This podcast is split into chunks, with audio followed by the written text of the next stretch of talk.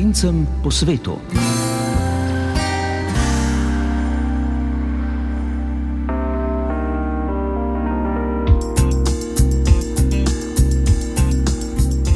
Lepo pozdravljeni, dragi prijatelji naše oddaje, tako v tujini kot doma. Drugič smo z vami v letu 2023, dogajanje je v prvi polovici januarja že kar živahno, tako doma kot na tujem. V začetku leta po praznikih je steklo delo že tudi v številnih slovenskih društvih po svetu. Mi se bomo nocoj ustavili v Švici in predstavili zgodbi dveh mladih slovenskih raziskovalcev. Akademsko kariero v Bernu zadnjih nekaj let gradi primorec, doktorski študent farmacije Gregor Bordon. V Švici pa raziskovalno pot nadaljuje tudi postdoktorska raziskovalka z Gorenske Anita Šenk. Seznanili vas bomo tudi z delovnimi načrti Seljenskega društva Slovenija v svetu, ki bo letos organizator osrednjega izseljenskega srečanja Dobrodošli doma v Vipavi. Nekaj več pa boste izvedeli tudi o nagradnem natečaju Urada za slovencev za majstvo in po svetu za diplomska in podiplomska dela z področja izseljenstva in zamajstva. Oddaja bo prepletena tudi z glasbo po izboru glasbenega urednika Janeta Webra, skozi oddajo pa vas bom popeljala Lili Brunec, vabljeni k poslušanju.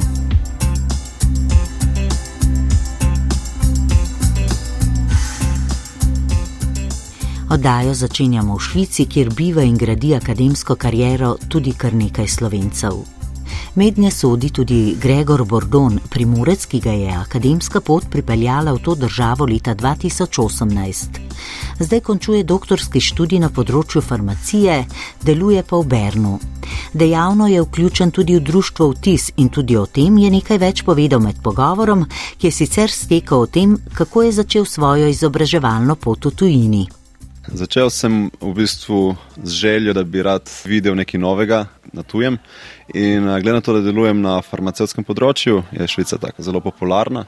In sem se potem prijavil na prakso v farmacevskem podjetju Lonza, kjer sem naredil prakso, pa potem magistrsko nalogo in nadaljeval na doktoratu.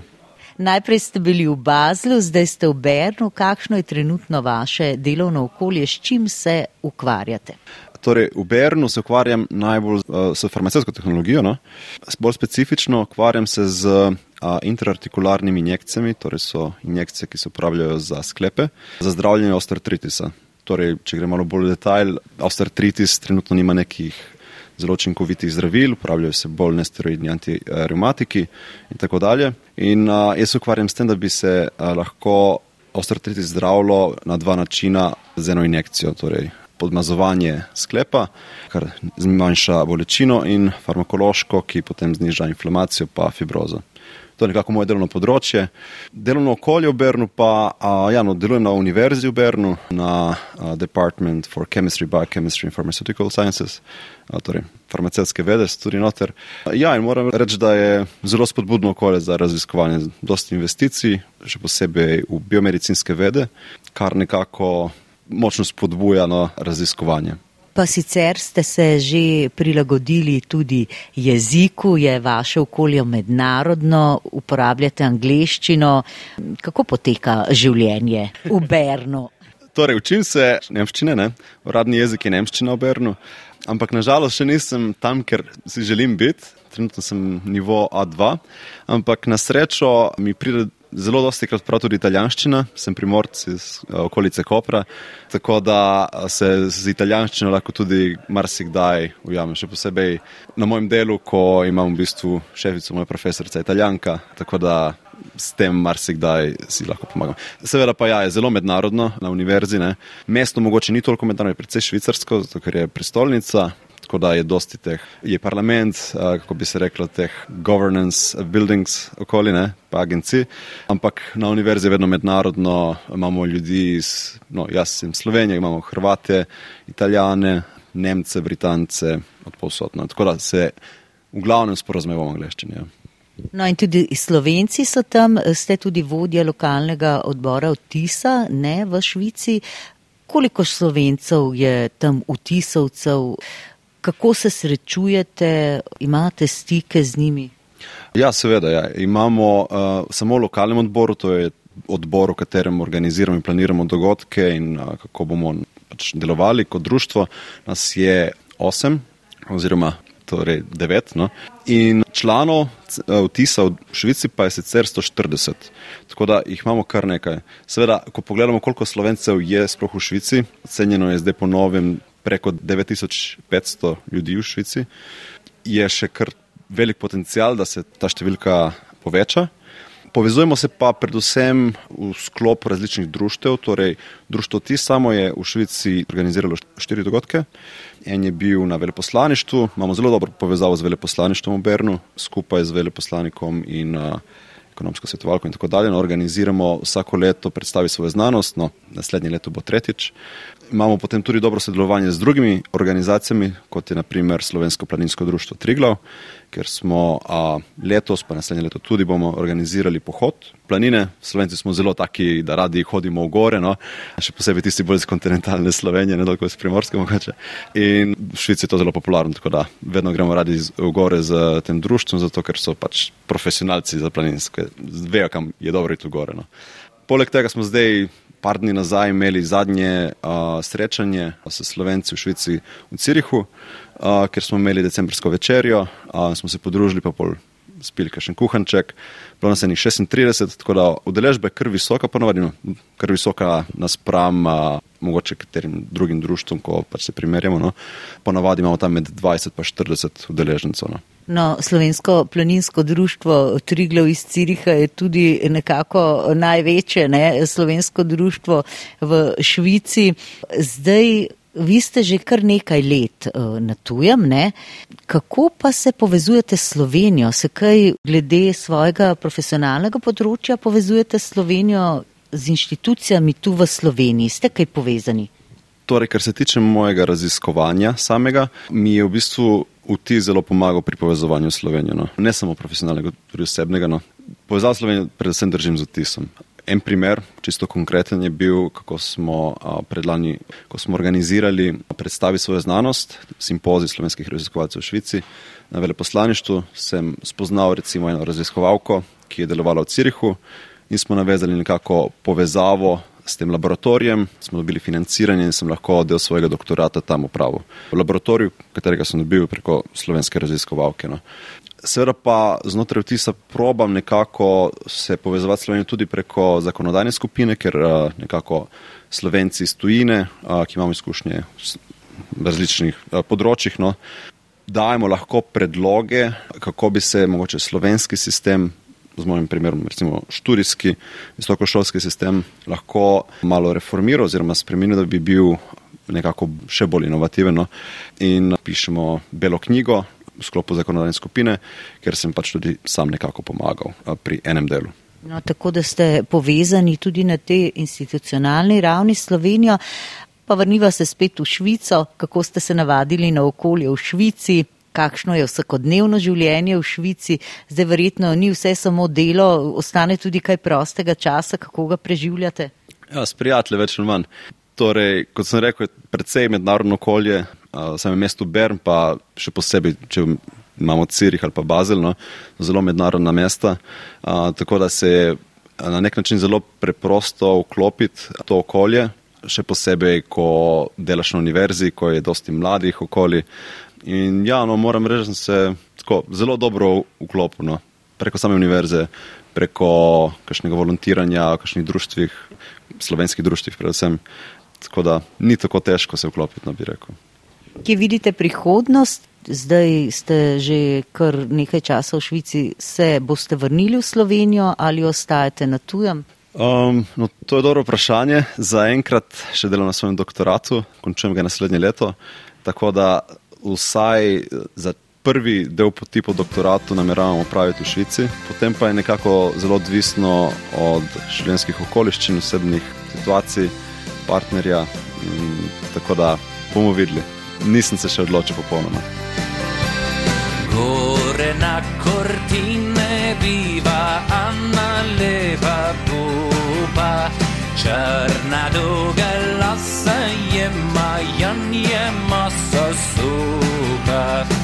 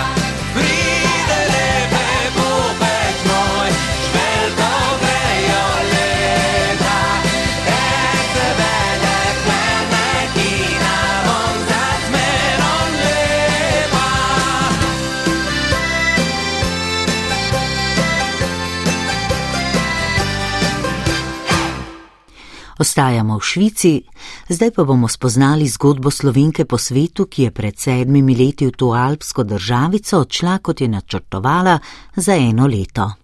Anita Šenk je doma z Gorenske, zato je Beren, kjer trenutno živi, še toliko bolj pri srcu, saj so blizu gore in priložnost za smuko v zimskem času.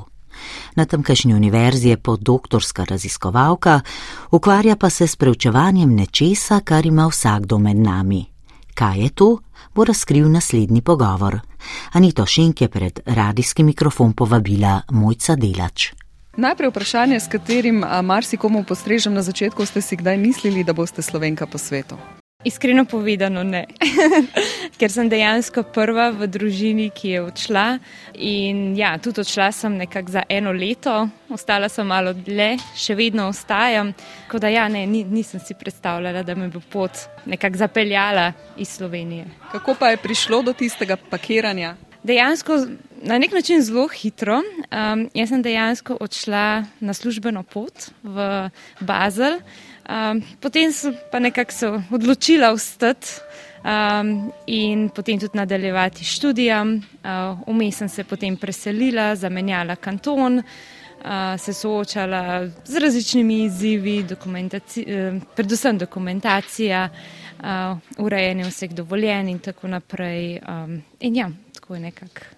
Kaj ste pa študirali, oziroma kako je šla ta vaša poklicna pot? Uh, ja, jaz sem v Ljubljani uh, zaključila prvi in drugi uh, bolonski program laboratorijske biomedicine. Uh, v tistem času, iskreno, sem potem mal uh, razmišljala, oziroma me je zelo vleklo, da bi študij nadaljevala, da bi šla naprej na doktorski študij. Uh, ampak nekako čas um, ni bil ta pravi um, in sem se potem zaposlila v farmacevskem podjetju. Uh, tam ostala eno leto, um, nekako odšla potem v tujino na to službeno pot, uh, se odločila ostati in potem je nekako ta želja po doktoratu rasla, se razvijala.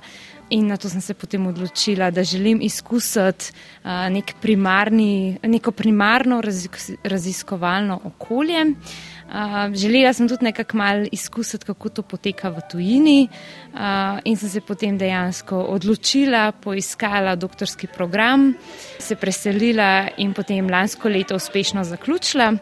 Uh, tako da zdaj uh, še vedno ostajam na uh, medicinski univerzi v Bernu, uh, delujem kot podoktorska raziskovalka, uh, raziskujem pa različne mehanizme nastanka ožilja uh, in pa sem seveda tudi vključena uh, v poučevanje študentov medicine in uh, veterine.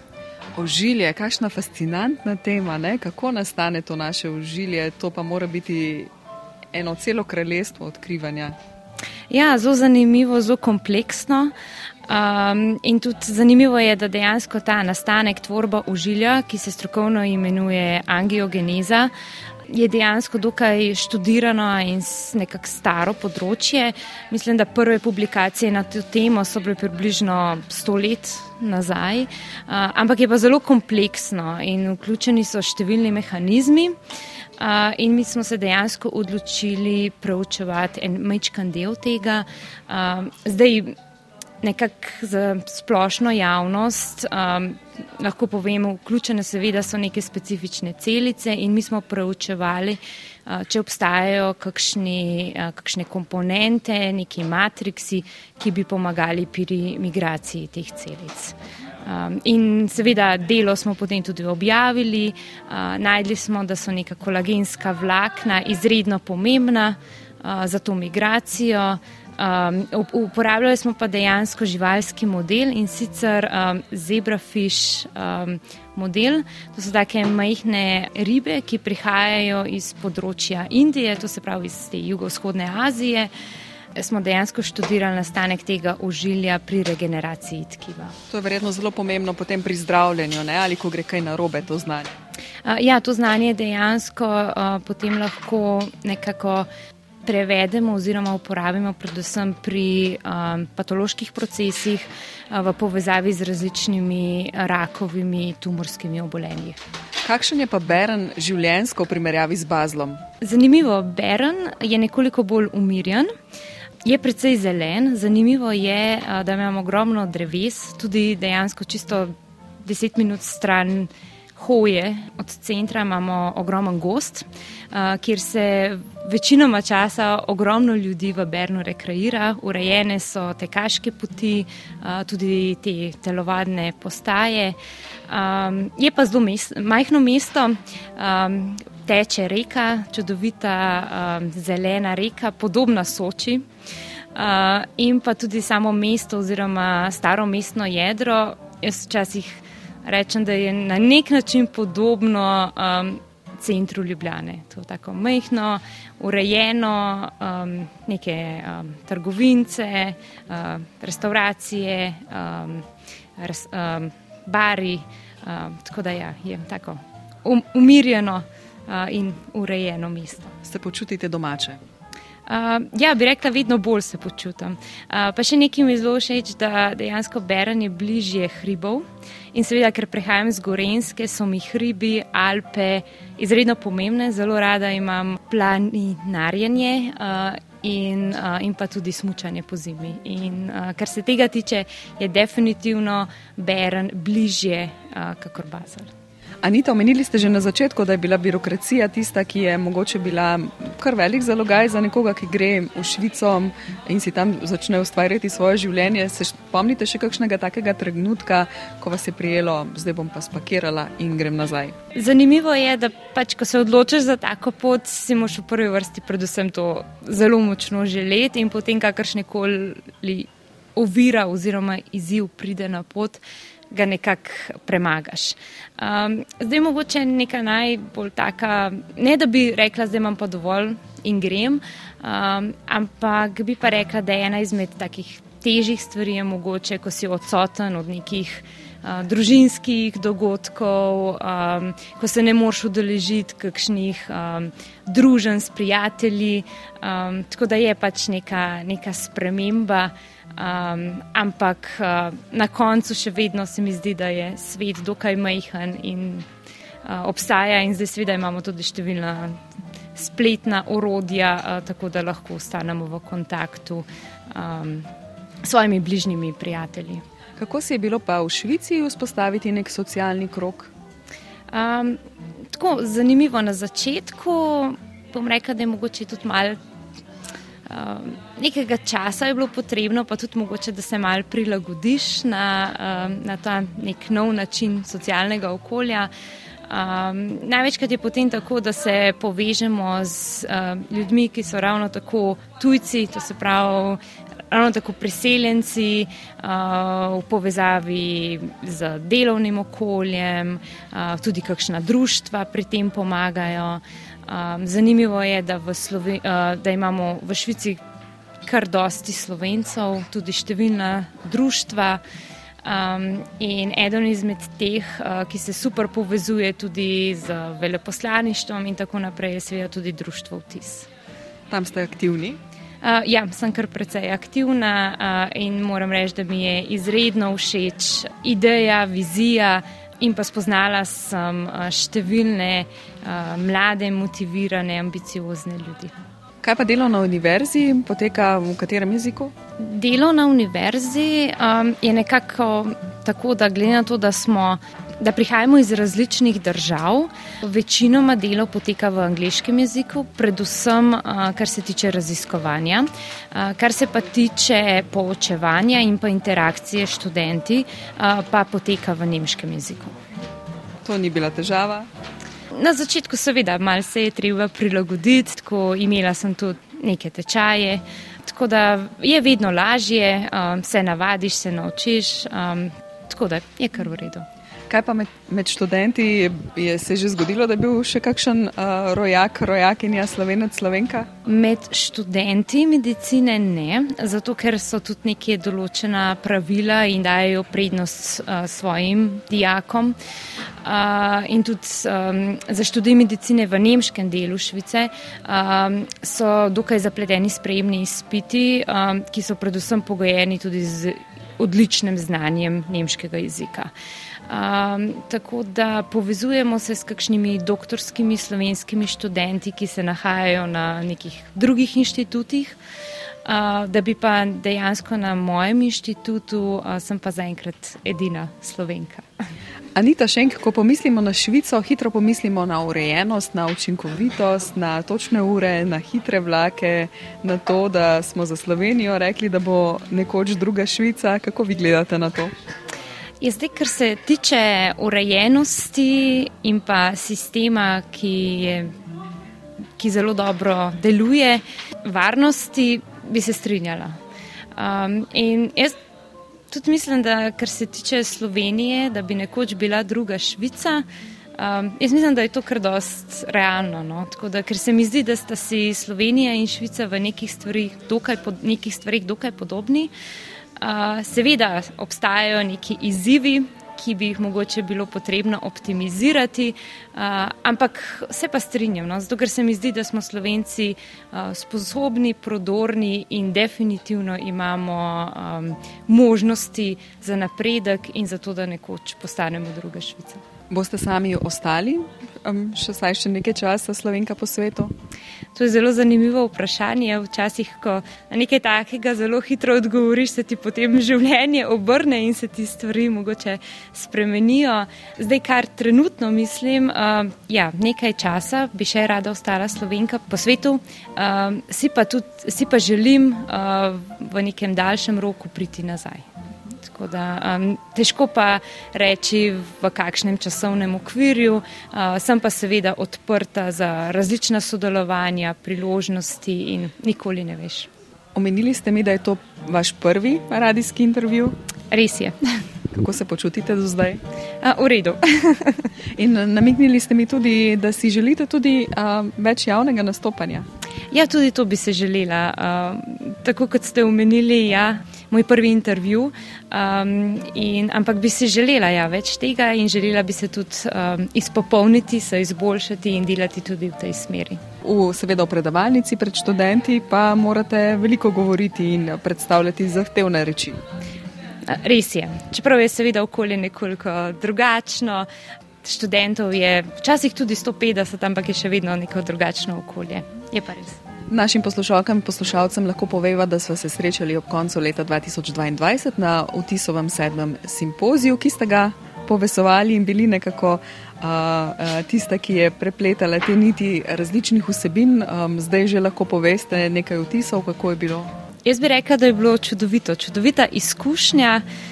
Res, simpozij je potekal gladko, zdi se mi, da je bilo zelo dobro organizirano, tudi dobili smo zelo dobre komentarje. Tako da, ja, počutim se super. Ravno tako je bilo to za me prvič, nova izkušnja, ampak je nekaj takega, kar bi si želela delati oziroma storiti kaj takega podobnega tudi še v prihodnosti. Na koncu vsakega takega pogovora ponavadi eh, sogovornico ali sogovornika vprašamo po kakšni slovenski skladbi, ki jo rad posluša, da mu jo pošljemo v tujino. Katera je bila prva asociacija, ki ste jo zdaj dobili, ko ste se takole zamislili, Anita Šenk? Moja prva um, ideja je bila Zelena dolina. Zdaj up, upam, da je naslov, mislim, da je od Pop Design uh, ali Moja dolina. No? Tako, se mi zdi primerna.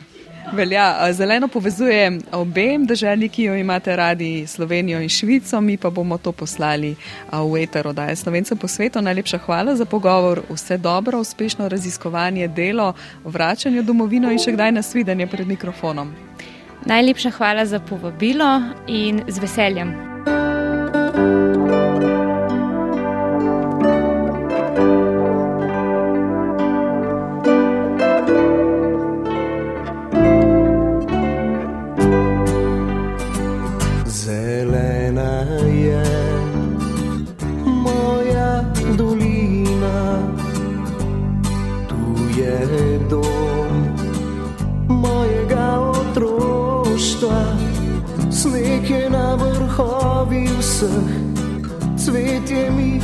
Si pogled, zelena je moja dolina, sneg je na vrhovih vseh, cvetje mi krasi pogled, zelena je moja dolina, zelena je.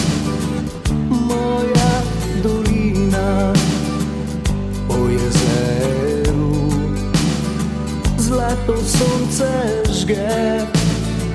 Tu sem se zaljubil že, tega ne vzame mi nihče, zelena je moja dolina. Tu sem se zaljubil že, tega ne vzame mi nihče, zelena je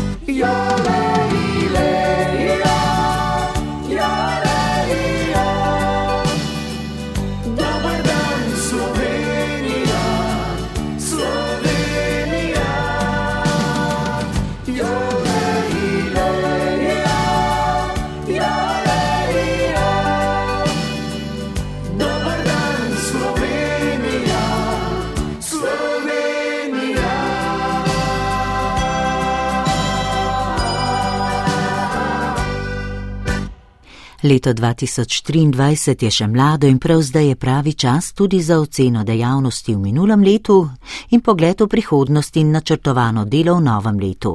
Zato bomo zdaj le dali besedo generalnemu tajniku izseljenskega društva Slovenije v svetu, Boštjanu Kocmurju.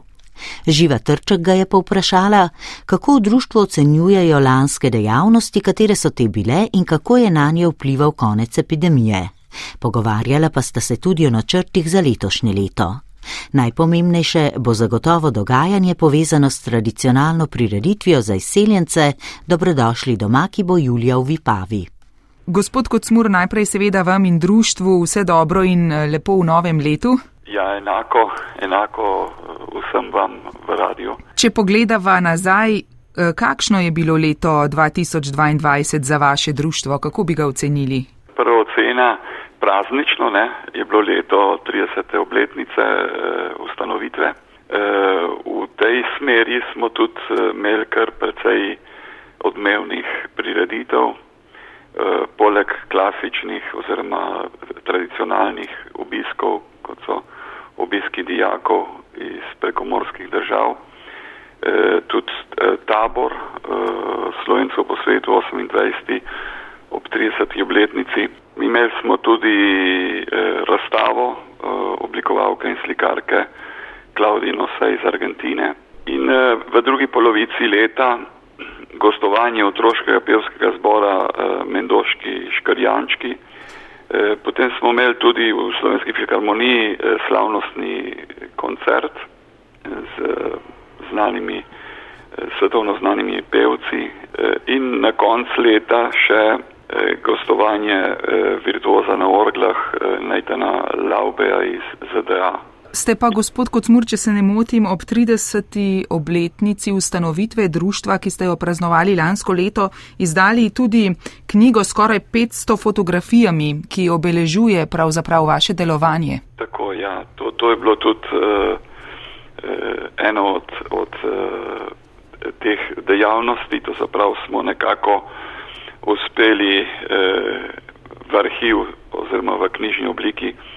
Eh, spraviti eh, recimo spomine iz teh 30 let. Ja. Lanske dejavnosti ste že našteli v glavnem. Eh, če prav razumem, so te dejavnosti minile predvsem ali pa tudi v duhu praznovanja 30. obletnice ustanovitve društva? Tako, ja, tako to je bilo nekako cilj za prihodne leto, oziroma za letošnjo leto je pa leto, običajno leto, Eh, sicer z eno večjo nalogo, ki je eh, koordinacija eh, letošnjega dobrodošli doma, ki bo v Vipavi. Ne. Zakaj prav Vipava in kaj pripravljate? Vipava je bila zbrana čisto po želji našega predsednika, on je doma iz, iz Vipave. In tudi želja, da se prireditev seli na primorsko. Ne. In kaj vse pripravljate za prireditev dobrodošli doma? Imate že kakšen načrt? Nekako eh, ob vse slovenskem srečanju v državnem zboru smo si zamislili, da bi imeli eh, v eh, večernem času po končanem eh, srečanju eh, odprtje razstave eh, fotografij eh, slikarke eh, Lucije Oblak Čop eh, in eh, koncert v eh, kavarni eh, Nuka. Potem eh, v petek bo okrogla miza, ki jo bo pripravila Svetovni slovenski kongres in potem sobota, ki je pa osredna, osredna prireditev, ki bo že zjutraj začelo se s pohodom na Nanos, predstavitvijo Vipavske doline in uspešnih življenjskih zgodb teh krajev. Potem vod, vodeni ogledi, ustvarjalne delavnice za otroke in še nekaj razstav. Potem bo en posvet, kjer bodo eh, prisotni eh, Slovenci v diplomaciji in politiki v eh, našim, našem okolišu, to se pravi iz Italije, iz Avstrije. In kot ponovadi proti večeru druženje o kvalitetni glasbi. To je ta, bi rekel, ukvir za, za soboto 1. julija.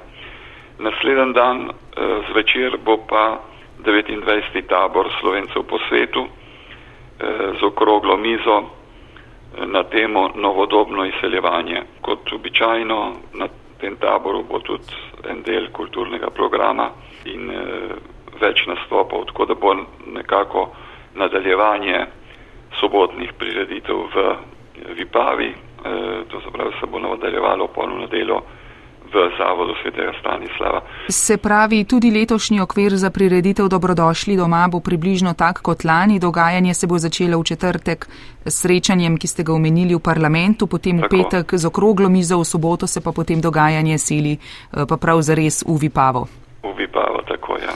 In naslednji dan v nedeljo v Šentvidu eh, še tabor slovencev po svetu. Tako. Um, kakšni so pa siceršnji načrti vašega društva za letos, poleg seveda uh, tabora in srečanja dobrodošli doma, ki sva ga zdaj le omenjala?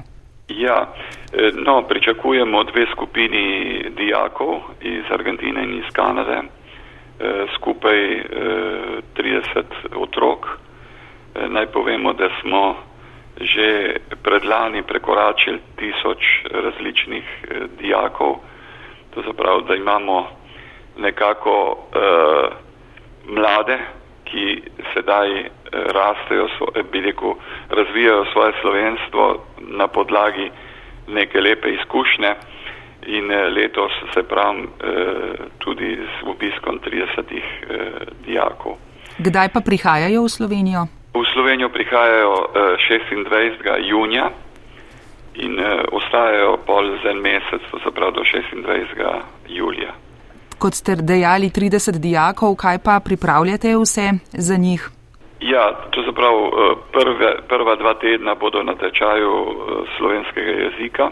Po, po tečaju bodo nekaj dni pri eh, sorodnikih, to se pravi štiri dni načrtujemo za sorodnike in potem do odhoda pa še ogledi eh, kulturnih in naravnih znamenitosti Slovenije. Eh, drugače pa eh, predvidevamo tudi nastope, eh, poleg nastopov v Vipavi, v Šentvidu in eh, še nastope po eh, Sloveniji, ne, eh, kjer bodo bili tudi eh, sprejeti, to se pravi v zamejstvu, v Trstu, v Gorici, na Koroškem.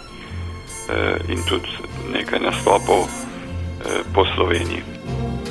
Ta čas, kratek je dan, dolga je noč, dolgi večeri, ko sem sama.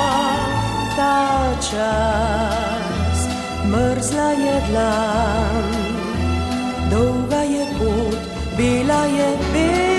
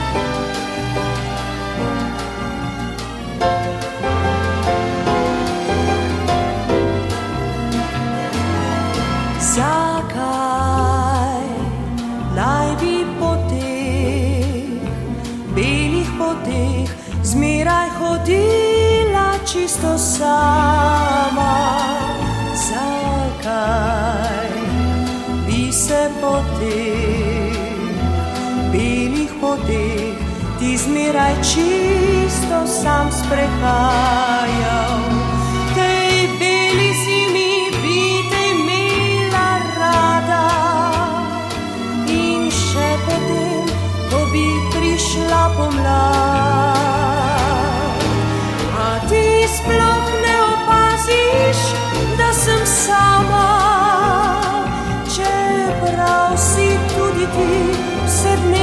sam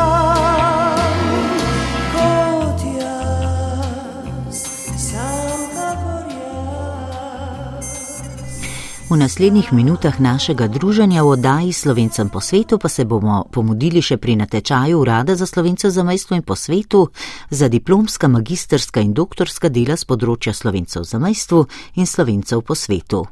Prijave na natečaj bo urad sprejemal do konca februarja. Upoštevana pa bodo dela zagovarjena v času od 1. januarja lani do konca decembra 2022. Sicer pa je nekaj več podrobnosti v zvezi z 21. nagradnim natečajem povedala Ana Šket z Urada za slovencev za mestvo in po svetu.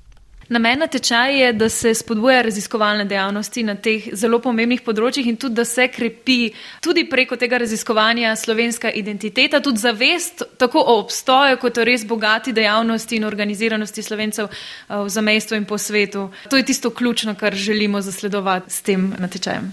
No, kaj pa je predmet letošnjega natečaja? Je tudi kakšen poseben pogoj glede vsebine? Kot vsako leto, tudi letos spuščamo proste roke eh, mladim raziskovalcem, da spišajo oziroma raziskujejo v tistem, kar jih zanima, ker mislimo, da tako nastanejo najbolj zanimiva eh, in mogoče tudi najbolj vsebinsko bogata dela z eh, teh področji. Kakšni pa so kriteriji za sodelovanje, kdo lahko sodeluje s kakšnimi deli? Načeloma lahko sodelujejo tako tisti, ki prihajajo, kandidati iz Republike Slovenije, kot tudi iz drugih držav. Tukaj ni omejitev, tudi ni omejitev povezavi z jezikom. Dela so lahko v slovenščini, italijanščini, nemščini, hrvaščini, francoščini, angliščini, španščini, zdaj lahko tudi v drugih jezikih. Tukaj imamo samo mogoče malce omejitev, da najdemo res strokovne ocenjevalce ki imajo ustrezno znanje tega jezika.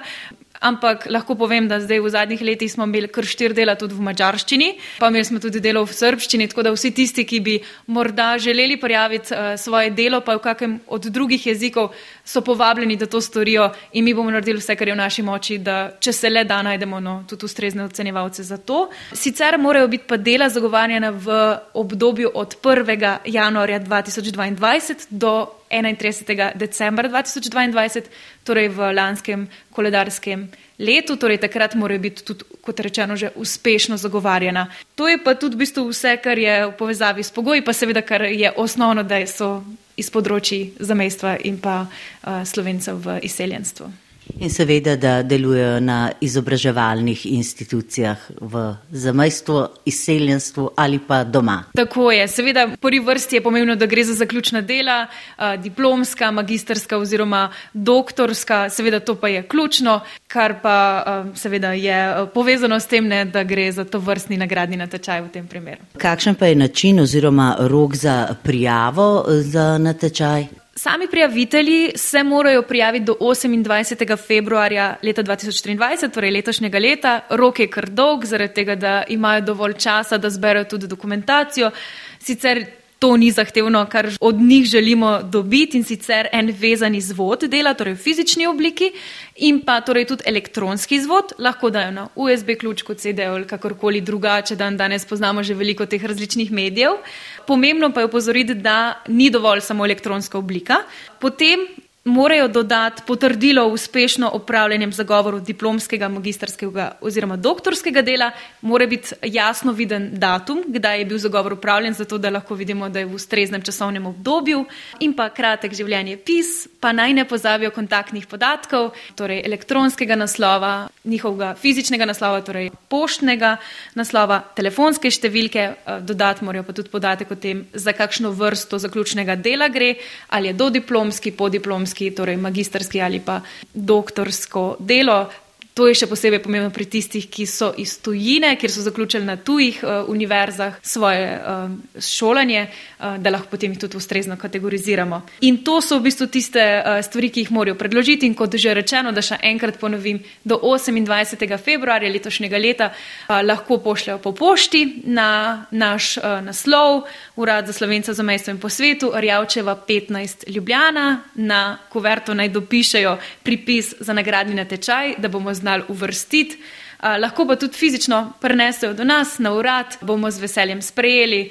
Če potrebujejo še kakšne dodatne informacije, verjetno dobijo tudi pri vas. Tako je, za vse informacije smo jim na voljo, lahko napišejo na naš elektronski naslov pr.urad.slovenci afnagov.si, lahko tudi pokličejo na telefonsko številko uh, nič ena, dva, tri, nič osem, nič ena osem. Zdaj za vse tiste, ki so iz tujine, dodajo še seveda plus 386 na začetku in z veseljem jim bomo pomagali z vsemi informacijami, tako da se naj kar obrnejo na nas. Dokdaj boste dela na uradu sprejemali, kateri je zadnji rok, to ste že povedali, in kako bodo pravzaprav ta prispela dela ocenjevana? Dela bodo ocenjevali člani strokovne komisije. Običajno se naša strokovna komisija razdeli potem na dve podkomisiji in sicer eh, za, za mejstvo in pa izseljenstvo. In ti strokovnjaki eh, iz teh področji in tudi iz različnih potem podpodročji jezikoslovja, glede na tudi sama dela, eh, ki so prijeta, potem ocenjujejo dela na podlagi strokovnosti, potem tudi nekaj dodanih novih spoznanj z tega področja, seveda kvaliteta dela kot takšnega in potem načeloma so oni tisti, ki potem z svojim strokovnim znanjem tudi nekako predlagajo in tudi izberejo tiste, ki bi bili primerni za. Če lahko dodam, bi dodala še, kaj so sploh nagrade. Gotovo uh, vse tiste, ki bi morda jih zanimala prijava, to tudi zanima. In sicer uh, poleg priznanja, ki ga bodo prejeli iz rok ministra za slovence za mestvo in po svetu, Mateja Arčona, bodo tudi denarne nagrade in sicer za prva tri dela na vsakem področju in sicer iz področja torej izseljenstva in pa zamejstva, kot že rečeno. Nagrada za prvo delo je v višini 800 evrov, druga nagrada je v višini 600 evrov in pa tretja nagrada v višini 400 evrov. Podelijo lahko pa tudi posebna priznanja. Ta sicer nimajo denarnega nadomestila, če tako rečem, vendar pa gotovo imajo tudi eno pomembno priznanje za njihovo delo. Tako da vse to uh, so tiste nagrade, ki jih lahko naši kandidati tudi prejmejo in kot že rečeno, podeljena pa bodo na svečani podelitvi, predvidoma nekje do konca septembra. Morda še samo glede področja.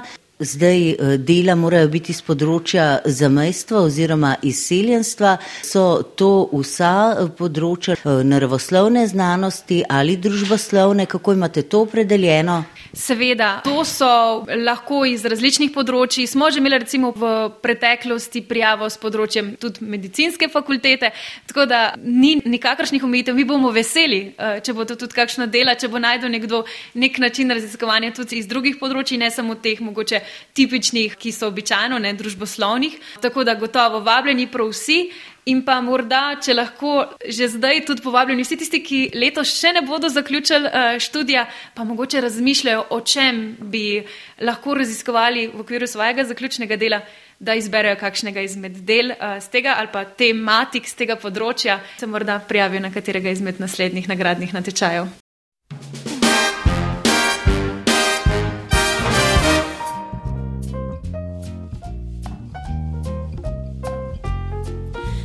Čakaj pomladi, ne čakaj na maj. Le kaj ti bo sonce in rože zakaj? Saj lička so rožniti cveti, v očeh žarek sonca sveti. Ne čakaj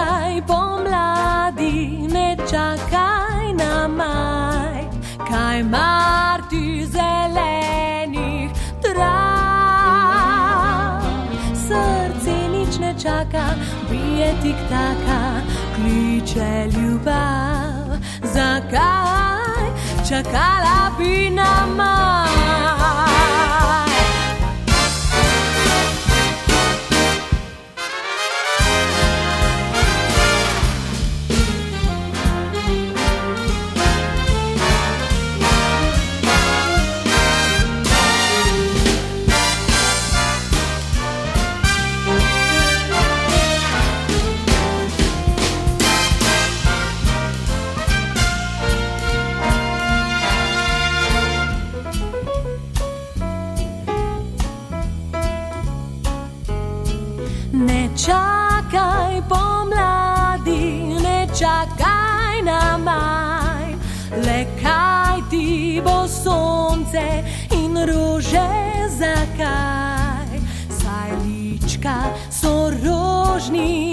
Rožniti cveti. V oči žarek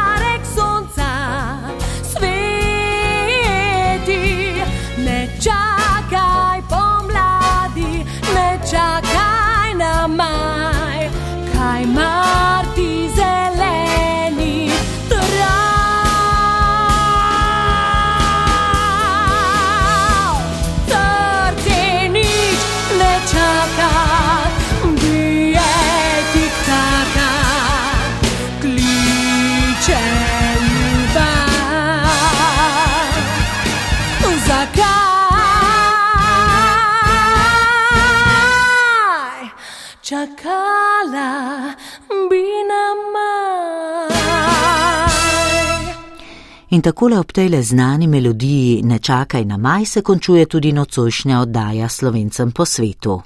Pripravile smo jo Živa Trček, Mojca Delač in Lili Brunec, ki sem jo tudi vodila, glasbeni okvir je dodal Jane Weber in tonsko podobo Jernej Boc. Oddajo lahko ponovno poslušate na spletni strani prvi.rtvslo.si, dostopna pa je tudi v podkastu. Prijeten januarski konec tedna vam želimo in vabljeni v našo družbo spet prihodnji petek. Lep večer še naprej in lahko noč.